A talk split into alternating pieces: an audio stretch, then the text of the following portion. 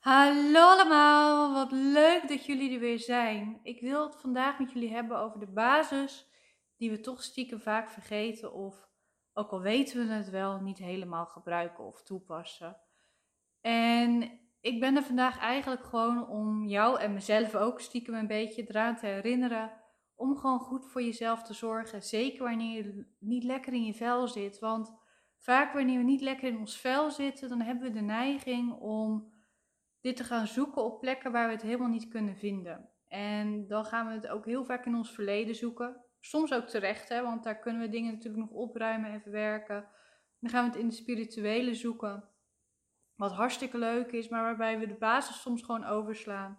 Of we gaan het op plekken zoeken waar we het gewoon helemaal niet kunnen vinden, gewoon buiten onszelf. En vandaag wil ik eventjes heel nuchter die basis weer even met je doornemen voordat je aan de spirituele reis begint eigenlijk ook. Zodat je op die manier gewoon goed voor jezelf kunt zorgen. En het gaat misschien een beetje cliché klinken allemaal nu vandaag, maar het is gewoon een hele belangrijke reminder die we gewoon niet mogen vergeten. En die zoveel meer invloed op ons heeft dan dat we soms zelf doorhebben. En een van de grootste daarin is natuurlijk voeding. Want als je voeding niet optimaal is, functioneren je hersenen niet optimaal. Als je hersenen niet normaal optimaal functioneren, functioneren je hormonen niet optimaal. Voel jij je ook niet lekker, gaan je emoties ook uit, uit balans, uit harmonie. En mentaal wordt het ook weer een stuk moeilijker om je al te concentreren en gewoon om positief te denken. Want jouw innerlijke criticus wordt echt gevoed door een gebrek aan goede voeding. Dus als je heel erg perfectionistisch bent en heel erg last hebt van die innerlijke criticus, Tuurlijk kunnen we het dan gaan zoeken en tuurlijk kunnen we dat mentaal heel veel oplossen. Maar wanneer je de voeding ontbreekt, blijft die innerlijke criticus gevoed worden. Maar wordt je gezonde, gebalanceerde zijn minder gevoed. Dus ja, voeding blijft gewoon ontzettend belangrijk iets. En er zijn een aantal dingen waar je op voeding natuurlijk op mag letten. Nummer 1 is dat je gewoon binnenkrijgt wat je binnen mag krijgen. Dus voldoende vitamine en mineralen en vooral natuurlijk gewoon je groentes eten. Ehm, ik ga er niet op diep op in wat je wel mag en niet mag, want dat is voor iedereen anders. Maar dat je in ieder geval wel zorgt dat je die vitamine en mineralen binnenkrijgt. En het liefste gewoon door middel van gezonde voeding. Dus door middel van noten, door middel van groentes, door middel van groene groentes, gekleurde groentes. Het liefst van alle kleuren eigenlijk een beetje, kan ik heel bazaal zeggen. En dat je zorgt dat je voldoende drinkt. Want als je dat dan niet doet, dan, dan zit je gewoon niet lekker in je vel en gaat het je ook niet lukken hoe hard je ook aan jezelf werkt. En wat ik bij hooggevoelige mensen ook heel veel zie gebeuren is niet voldoende drinken. En omdat ze niet voldoende drinken, raken ze sneller overprikkeld. Want jouw lichaam heeft dat water nodig om al die afvalstoffen van je lichaam af te voeren. Gewoon biologisch gezien al. Maar dat geldt ook voor het energetische stukje eigenlijk, als we toch stiekem wat spiritueler bekijken.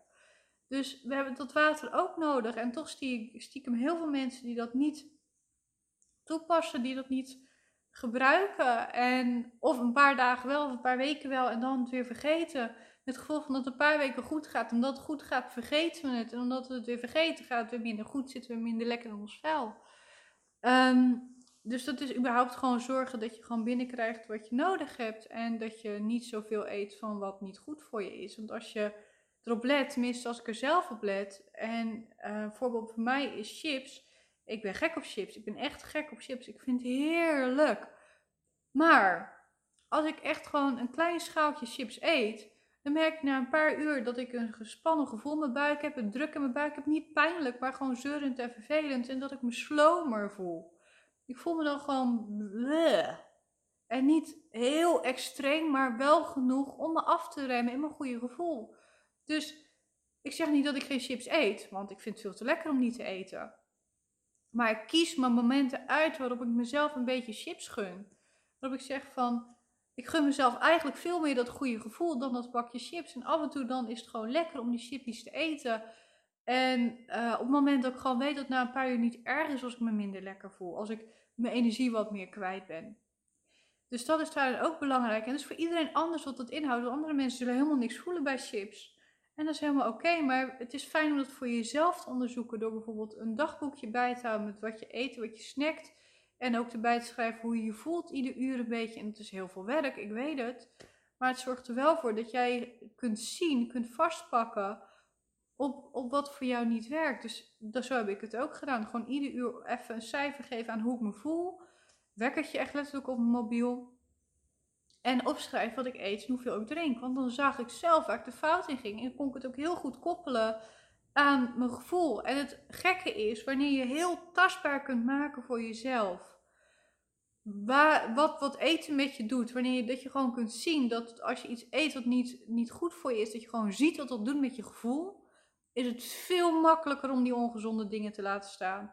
En wanneer je vastlegt hoe goed je je voelt wanneer je gezond eet geeft dat een veel grotere motivatie om gezonde dingen te eten. En dan wordt het ook ineens makkelijker en lekkerder, want je wordt je steeds bewuster van wat het met je lichaam doet. Dus heb je er steeds meer behoefte aan en gaat het uiteindelijk zelfs beter smaken.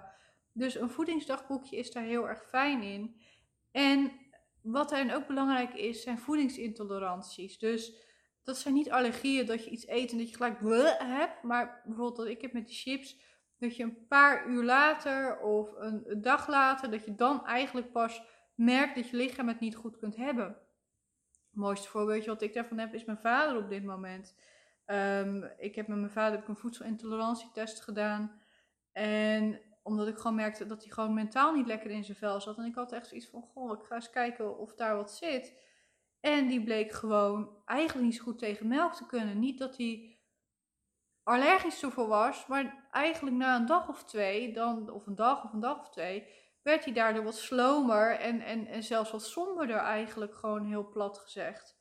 En nu die een paar maanden gestopt is met melk drinken, in ieder geval niet zoveel, alleen het weekend doen we nu eigenlijk, merkt hij gewoon dat het heel erg goed gaat. En dat hij gewoon lekker in zijn vel zit en hij kan veel meer hebben.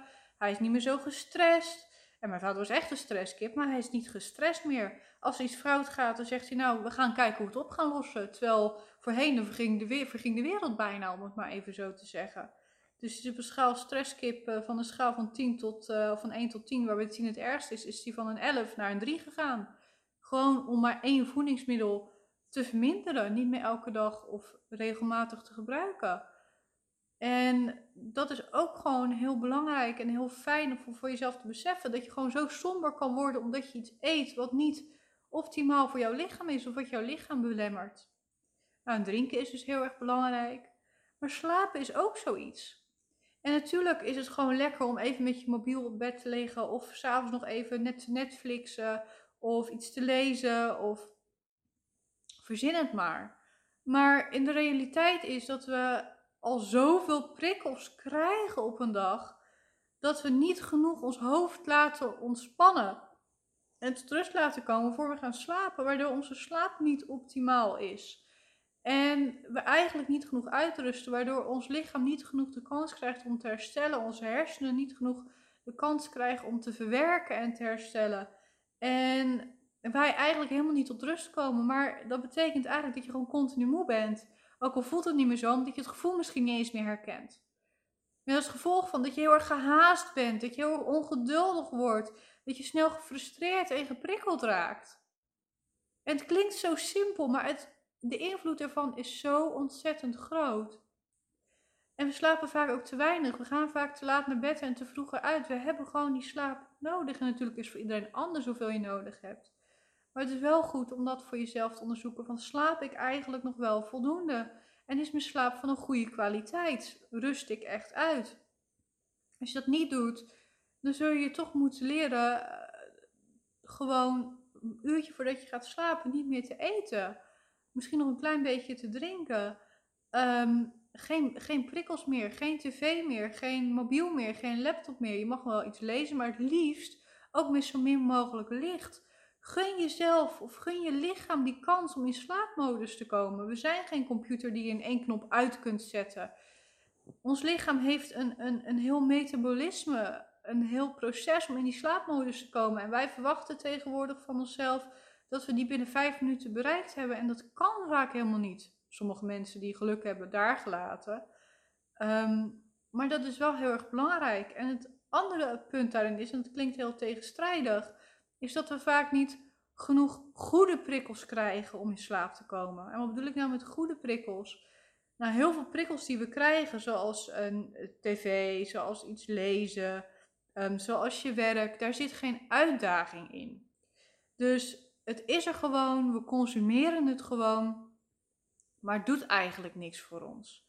Eigenlijk is het bedoeld als ontspanning. Tegelijkertijd zorgt het voor overprikkeling, maar er zit geen voeding onder voor onze nieuwsgierigheid, voor onze persoonlijke ontwikkeling, het ontwikkelen van nieuwe talenten, van nieuwe uh, eigenschappen, het ontwikkelen van nieuwe uh, activiteiten die we kunnen. Het, het, daagt ons niet uit. En wanneer ons brein niet uitgedaagd wordt om iets nieuws te leren, of het nou mentaal is of lichamelijk, dan wordt het ook niet gestimuleerd. En omdat het dan niet genoeg gestimuleerd wordt, merken we ook dat we eigenlijk niet s'nachts kunnen uitrusten. Want ons brein heeft energie over. Maar die energie is niet om te Netflixen. Of om zelfs soms niet om te sporten. Die energie is over omdat het nieuwe uitdagingen wil. Omdat het iets nieuws wil leren. Omdat het weer geprikkeld wil worden uit die comfortzone. Uit die sleur. En die vergeten we ook vaak. Dus als je niet kunt slapen en je probeert van alles en nog wat. Probeer jezelf eens dan dus uit te dagen. Door je hersenen uit te dagen met iets nieuws. Of het nou lichamelijk of mentaal is, maakt niet uit. Dat merk je ook, dat is ook onderzocht bij mensen met dementie, dat die mensen veel beter slapen wanneer ze eruit uitgehaald worden en een activiteit mogen doen die hun brein prikkelt op een fijne, positieve manier. Dus een uitstapje maken naar bijvoorbeeld een stad of iets nieuws zien of leren uit die stoel, uit dat bed. En dan zien we ze gewoon veel beter slapen, waardoor ze veel helderder zijn. Nou, als het al met mensen met dementie zo is, dan kunnen we natuurlijk heel simpelweg ook die link trekken naar onszelf. Dus dat is ook wel een belangrijk stukje om bij stil te staan. En het derde ding is natuurlijk ontspanning. En ik denk niet dat ik daar heel veel over uit hoef te leggen. Maar hoe vaak, als je even heel eerlijk bent, hoe vaak mag je van jezelf nog simpelweg even naar buiten staren? Als kind was het heel normaal dat je in de klas zat en dat je gewoon naar buiten aan het kijken was. En dat je misschien een iets verzonderd mannetje rondliep die allemaal acrobatische dingen aan het doen was. Zeker als we in de auto zaten deden we dat vaak. Dat hij over allerlei obstakels heen sprong. Maar nu we volwassen zijn, moeten we alleen maar meer. Moeten we doorgaan? Moeten we dit? Moeten we zus? Moeten we zo? En vergeten we gewoon te zijn. Vergeten we gewoon te ontspannen en niet met hele moeilijke oplossingen bezig te zijn, maar gewoon even stil te zitten. Ook zonder die tv weer, zonder die mobiel weer, maar gewoon te zitten. Gewoon even met jezelf te zijn. We doen dat eigenlijk zo ontzettend weinig. En natuurlijk is dat logisch, want we hebben ook veel meer te doen dan 100 of 200 jaar geleden, denk ik tenminste. Maar het is zo simpel om het jezelf weer te gunnen. En ik denk dat dat ook echt wel een dingetje is, dat onze prioriteiten zo verkeerd liggen. Dat onze prioriteiten zo verschoven zijn naar het ideale leven opbouwen en een goede carrière hebben. Of ja, dat, die eigen onderneming starten voor velen van ons. En dat droomleven opbouwen, die financiële vrijheid opbouwen. En um, dat perfecte te hebben, terwijl we eigenlijk niet perfect willen noemen. Want perfectie bestaat niet. En juist dat, dat streven, dat kan ons zo in de weg komen te staan. Want ook al heb je geldzorgen, dan kun je nog genieten van de mooie mensen om je heen. Of je kunt juist op zoek gaan naar nieuwe mooie mensen om je heen. En het, het, het klinkt heel bazaal, maar daar is zoveel voor ons geluk uit te halen. Gewoon de verbinding met anderen bijvoorbeeld. Of juist te zijn en jezelf iets nieuws proberen te laten leren. Een nieuwe taal, een nieuwe talent te ontwikkelen. Maar dan zonder te druk om te slagen. Daarvoor zijn thuisstudies ook zo leuk. Omdat je iets nieuws kunt leren. En omdat het niks met je carrière te maken heeft. Kun je jezelf gewoon zonder druk ontwikkelen. Moet je jezelf ook die druk niet op gaan leggen. Maar we hebben die verschuiving gehad. En ik merk dat die steeds groter aan het worden is. Zeker omdat met het internet alles mogelijk is. Dat we het perfecte op willen bouwen, maar we vergeten te leven in het nu. En ik zie dat, en dat, dat bedoel ik heel liefdevol en zonder oordeel, maar ik zie het ook heel vaak met hooggevoelige moeders gebeuren. Die hebben dat ideaalbeeld, die prachtige wens, waar ik ook zelf helemaal achter kan staan bij ze. Dat ze financiële vrijheid willen creëren met een bijvoorbeeld een online cursus aanbieden of iets moois neerzetten. Uh, omdat ze dan samen kunnen zijn met hun kinderen en hun partner kunnen verzorgen. En dat zijn hele mooie ideeën natuurlijk. Maar soms verliezen ze daardoor uit oog dat ze elke dag al met hun kinderen kunnen zijn. Ook al komen ze om zes uur pas thuis en ook al zijn ze dan moe. Het is soms zo simpel om dan op zaterdag een spelletje te doen met z'n allen. Daar komt je systeem van tot rust. Daarvoor ga je weer lekker in je vel zitten. En ik, ik, ik heb dat zelf ook wel eens een beetje, dat ik dat gewoon vergeet. Terwijl, zeker de laatste tijd heb ik heel erg, ik heb nog absoluut geen kinderwens, maar ik zie heel duidelijk voor me dat wat voor een zorg ik ook heb, dat je gewoon van die hele leuke, simpele spelletjes kunt doen met je kinderen. Allemaal een soort mini-wedstrijdjes. En ik doe het nu, dat is een hele andere tak van sport natuurlijk. Maar ik doe het nu ook met mijn kat. Ik heb natuurlijk een hele lieve kat en daar speel ik heel graag mee. Gewoon met een stok en een veertje en een dingetje en een datje. En wat ik nu heel vaak doe, is als ik pauze heb of als ik mezelf eventjes uh, afleiding wil geven, dan pak ik de snoepjes en dan verstop ik de snoepjes door huis heen. En dan ga ik gewoon kijken hoe die kat die snoepjes aan het zoeken is. En zo maak ik allerlei uitdagingen voor haar. En dat is gewoon lekker. Maar dat vergeten we tegenwoordig gewoon. En ik hoop dat je er nu weer even aan herinnerd hebt, zodat je daar jouw eigen ding mee kunt doen. En daarmee ga ik hem voor nu ook afronden en wens ik je voor nu een hele fijne dag toe.